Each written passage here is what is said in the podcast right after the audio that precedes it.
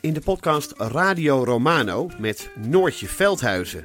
Met Marcel van Roosmalen. En met Roelof de Vries.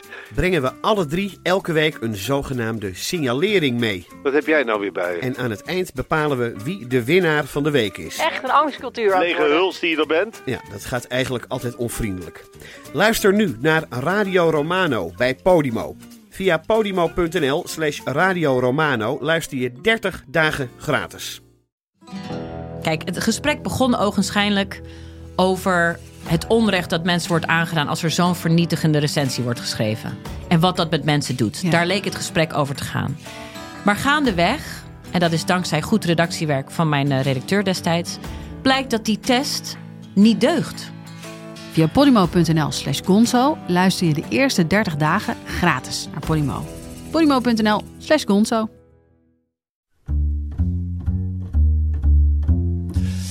Hallo, dit is de wekelijkse podcast van de Groene Amsterdammer. Ik ben Kees van der Bos.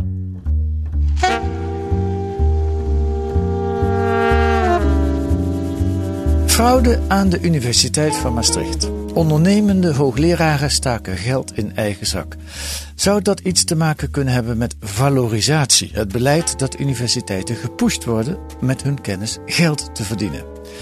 Carlijn Kuipers van platform Investico zocht het uit samen met Sjors van Beek van De Limburger. En ze publiceren daarover vandaag in De Limburger en in De Groene. En Carlijn zit hier. Dag Carlijn. Hallo, Eerst iets over jouzelf.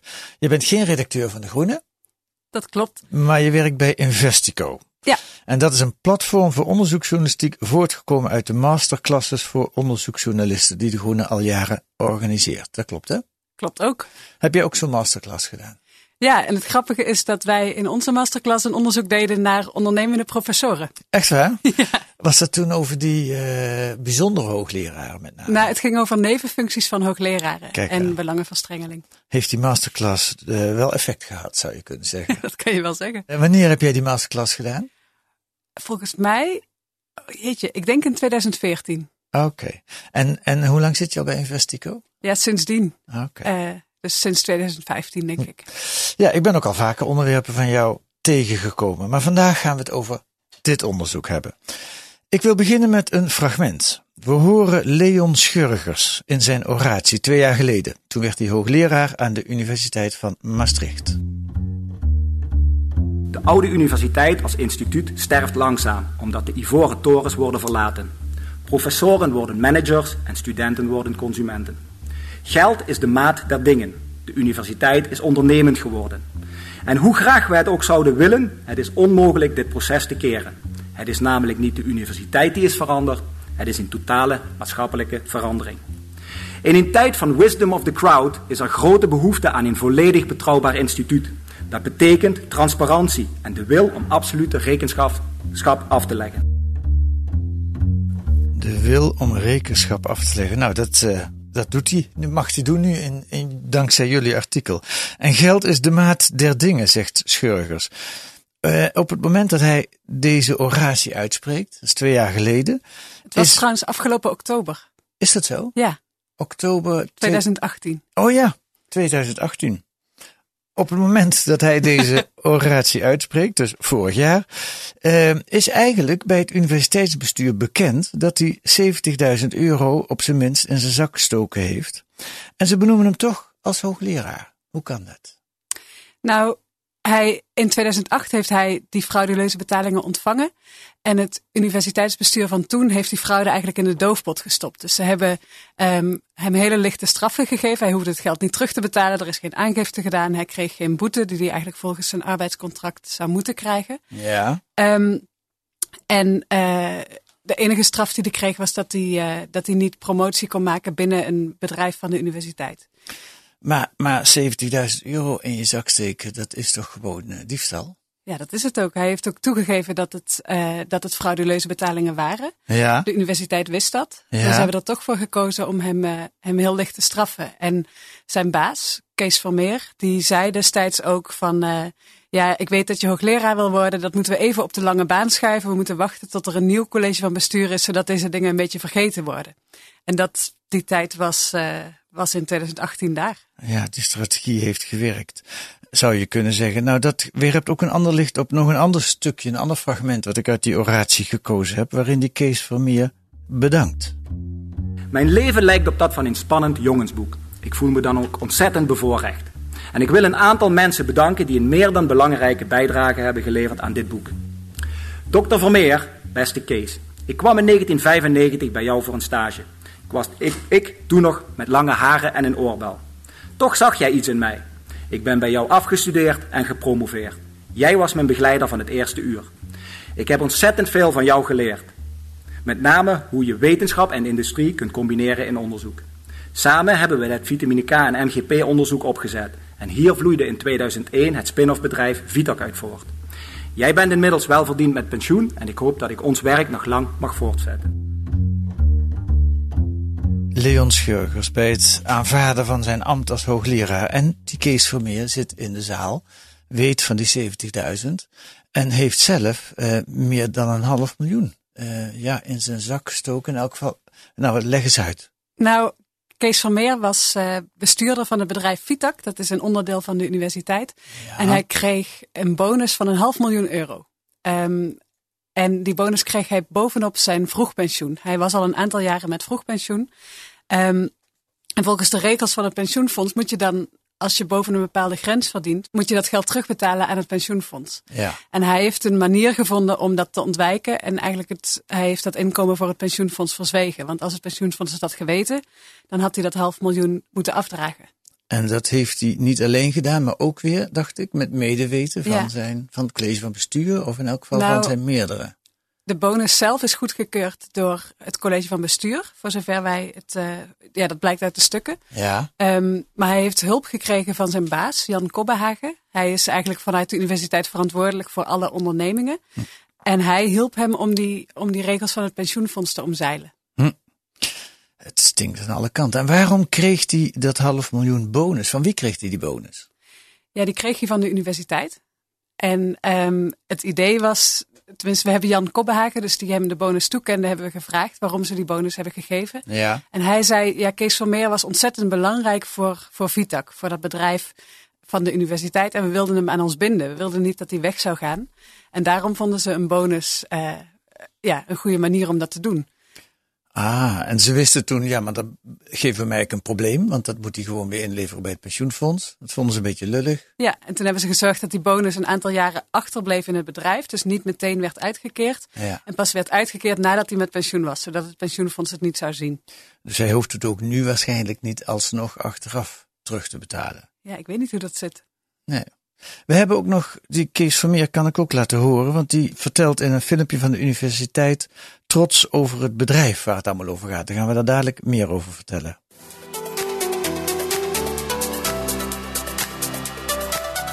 In 1975 was ik een van de wetenschappers die heeft geholpen hier de Universiteit Maastricht op te starten. Ik zat bij de eerste aanvalsploeg en eh, ik heb eh, vanaf het begin af aan mijn onderzoek gericht op vitamine K. Vitamine K wordt verwerkt in allerlei uh, pillen en capsules. En die kun je krijgen bij de, bij de drogist. Gemiddeld genomen kun je zeggen dat mensen die veel vitamine K2 gebruiken, zeven jaar langer leven dan de mensen die weinig gebruiken. En je kunt ook zeggen dat die mensen gezonder leven. Nou, het muziekje kregen we gratis van de universiteit erbij. Dat moeten we allemaal gaan slikken, dus dat vitamine K. Vitac heet het bedrijf wat ze opgericht hebben. Wanneer in 2008? 2001 is het opgericht. Aha. Nou, van die bonus van Kees Vermeer, dat hebben we gehoord. Dat heeft hij dus gekregen omdat de universiteit vond dat hij het zo goed gedaan heeft. Um, wat is er bij Schurgers precies fout gegaan? Leg eens uit. Nou, hij heeft 70.000 euro ontvangen van Nato Pharma. Dat is een Noors farmaciebedrijf en dat was destijds de grootste klant van Vitac. Ja. En um, aan die betalingen lagen valse facturen ten grondslag. Dus er zijn facturen gemaakt op naam van een bedrijf dat niet bestaat. En uh, ja, zo is er 70.000 euro naar de persoonlijke bankrekening van Leon Schurgers gegaan. En hij heeft dat aanvankelijk nooit gemeld aan de universiteit dat hij die inkomsten kreeg. Nee, nee dus dat is gewoon regelrecht fraude. Ja. Valsheid in geschrift ook. Ja. Gaat daar nog een, krijgt dat muisje nu nog een staartje? Nou, de universiteit heeft nu in algemene zin gezegd dat ze een uh, feitenonderzoek gaan starten. En dat Ja. ze kijken of eh, of er daarna nog maatregelen nodig zijn. Ja. En waarom kreeg uh, Schurgers die, de, dat, dat bedrag van die Nat, Natto Pharma? Ja, dat is ons niet helemaal duidelijk. Um, kijk, het kan zijn dat het. Wat hij zelf zegt is dat, er, dat hij echt uh, consultancydiensten heeft geleverd aan dat bedrijf, aan Natto Pharma. Ja. En dat Natto Pharma hem zei van ja, je, uh, je hebt wel recht op wat extra, dat is lekker voor je, dan uh, heb je het wat ruimer. Um, en hij heeft dat naar eigen zeggen naïef geaccepteerd. We weten niet of dat klopt. We weten niet of hij echt dat werk heeft geleverd. En dan nog, hij was volledig in dienst van de universiteit en zat daar namens de universiteit. Dus dan, ook dan had het geld naar de universiteit moeten gaan. Ja, want we hebben het hier, om even goed te begrijpen, over mensen die gewoon goed betaald worden voor hun werk bij de universiteit. Ja, hij was volledig in dienst bij de universiteit. Ja, ja. En Kees Vermeer, zijn zijn, zijn meerdere, in elk geval zijn leermeester. Ik weet niet of die binnen Vitac was, die waren ze misschien aan elkaar gelijk. Dat weet, weet je dat? Nou, Kees van Meer was de directeur van Vitac. Ja. En Leon Schurgers, die is, wat hij net ook al zei, hij is bij Kees van Meer gepromoveerd. En Kees van Meer zag hem een beetje als zijn kroonprins. Ja. Uh, ja. ja. Ik lees in jullie artikel een mail dat Kees van Meer in 2008 is dat geloof ik zegt, ik schrik me kapot. Er is hier gewoon fraude gepleegd. Ja. Maar even later schrijft hij weer een mail aan Schurgers. Ik ga je toch helpen. Ja. Hoe zit dat? Dat heeft ons enorm verbaasd. Kijk, aan de ene kant zag Kees van Meer dat er, dat er fraude was gepleegd. En aan de andere kant zien we heel veel mails waarin hij zegt van ik ga je beschermen, ik wil je niet kwijt. En we weten niet precies hoe het komt dat Kees van Meer die Leon Schurgers zo in bescherming nam.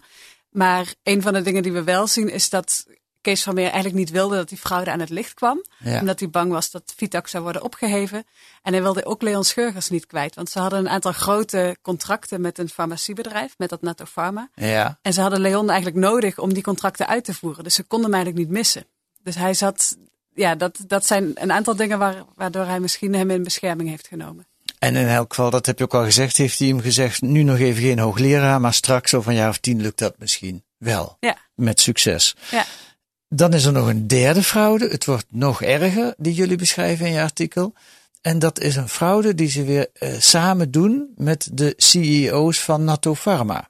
Klopt. Dus Kees Vermeer, Leon Schurgers, die zitten op een gegeven moment in een duur restaurant in Noorwegen. Ja. Met de CEO van Natto Pharma. Dan moet ik even het artikel erbij halen. Weet jij nog de namen van die mensen? Ja, Stein Westby en uh, Morten Sundstø. Ja. En dan lichten ze de zaak op. Op welke manier doen ze dat? Nou, Vitac had een aantal patenten van de universiteit. Ja. Uh, dus hij, een patent is een recht om, om een bepaalde uitvinding te gebruiken. En dus geld waard. Ja. En uh, die hebben ze op een gegeven moment verkocht aan een bedrijf in Noorwegen, MGP Diagnostics. Ja. En dat bedrijf is opgericht door Leon Schurgers, Kees Vermeer en die twee Noren. En het patent is voor 0 euro daar naartoe overgegaan, zonder dat de universiteit daarvan wist. Ja. Dus ze hebben eigenlijk dat patent, dat waardevolle ding, hebben ze in eigen zak gestoken. En vervolgens, wat hebben ze ermee gedaan? Nou, het kwam al best wel snel aan het licht. Want die, die um, CEO van Natto Pharma die werd opgevolgd door, ja. een, door een nieuwe CEO. En die dacht van, hé, hey, waar is dat patent naartoe? Wij wilden dat toch hebben? Ja. En die heeft de zaak onderzocht en het aangekaart bij de Universiteit Maastricht. En toen heeft Natto Pharma heeft dat patent weer overgekocht. Maar zij hebben er toen 2,7 miljoen dollar voor betaald. Dus een patent dat eerst voor nul overging, Ja. was drie maanden later 2,7 miljoen waard. En dat hebben ze betaald aan dat andere bedrijf, wat het Schurgers en Vermeer met die twee Noren heeft opgericht, MGP Diagnostics. Uh, waar zijn die 2,7 miljoen gebleven? Ja, dat is de grote vraag. Um, op het moment dat, dat die aandelen werden verkocht, dus dat patent werd verkocht en die 2,7 miljoen werd betaald, Ja. toen had Leon Schurgers 55% van de aandelen. Dus ja. als je dan een rekensommetje maakt, dan, dan lijkt het erop dat hij 1,5 miljoen uh, dollar heeft verdiend daaraan.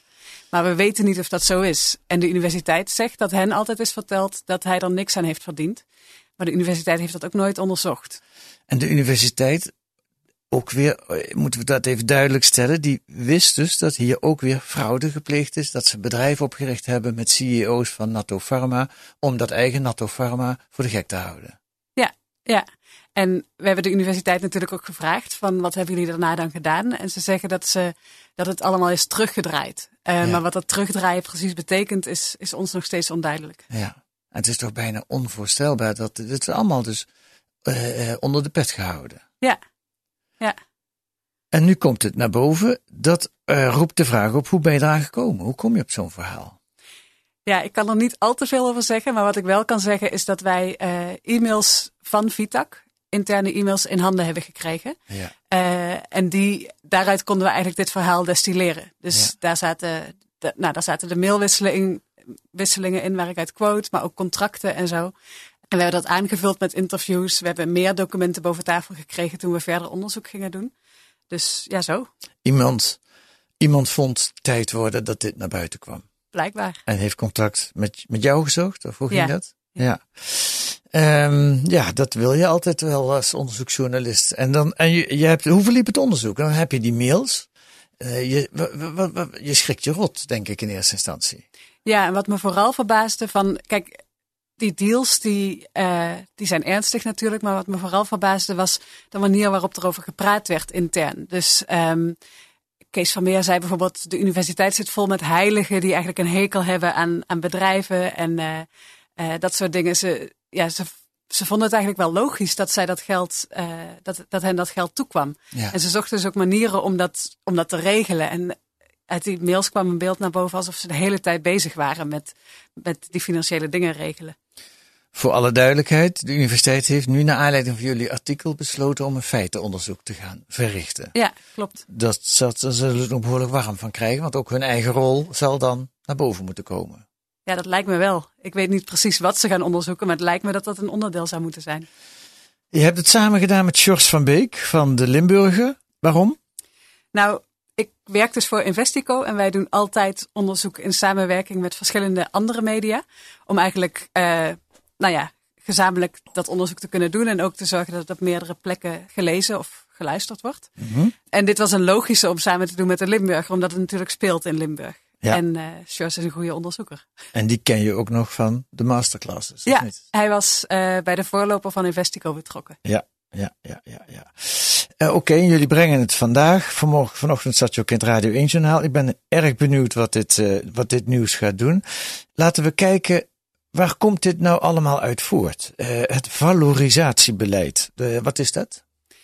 Ja, valoriseren betekent eigenlijk dat universiteiten hun wetenschappelijk onderzoek tot waarde moeten gaan maken. Dus zij moeten wetenschappelijk onderzoek tot nut maken. En dan voornamelijk tot economisch nut. Ja. En dat is beleid van de Rijksoverheid sinds ongeveer 2005. Dus sindsdien hebben universiteiten naast het doen van onderzoek en onderwijs ook de taak gekregen om, uh, om te gaan ondernemen. Ja, nou het is al langer volgens mij. Want ik herinner eind jaren tachtig dat er al een nota uh, door toen Renoy Kan van, uh, van de Erasmus Universiteit geschreven is. De ondernemende universiteit. Uh, maar sinds 2005 is het, wat is er toen gebeurd? Ja, toen is het echt een officiële taak geworden, volgens ja. mij. Dus toen, um, ja. Maar wat er in de jaren tachtig speelde, is dat het industriepolitiek beleid, dat was toen wel zo'n beetje op zijn, op zijn einde gelopen. En toen werd het idee van de, van de economische politiek dat, dat kennis, dat dat onze economie zou kunnen aanzwengelen. En toen kregen universiteiten dus al een grotere economische rol. Nou, wat voor taal dat bij de universiteitsbestuurders uh, oproept, kunnen horen in een promotiefilmpje van de Valorisatiecampus aan de Universiteit Maastricht. We horen meneer Jan Kobbenhagen.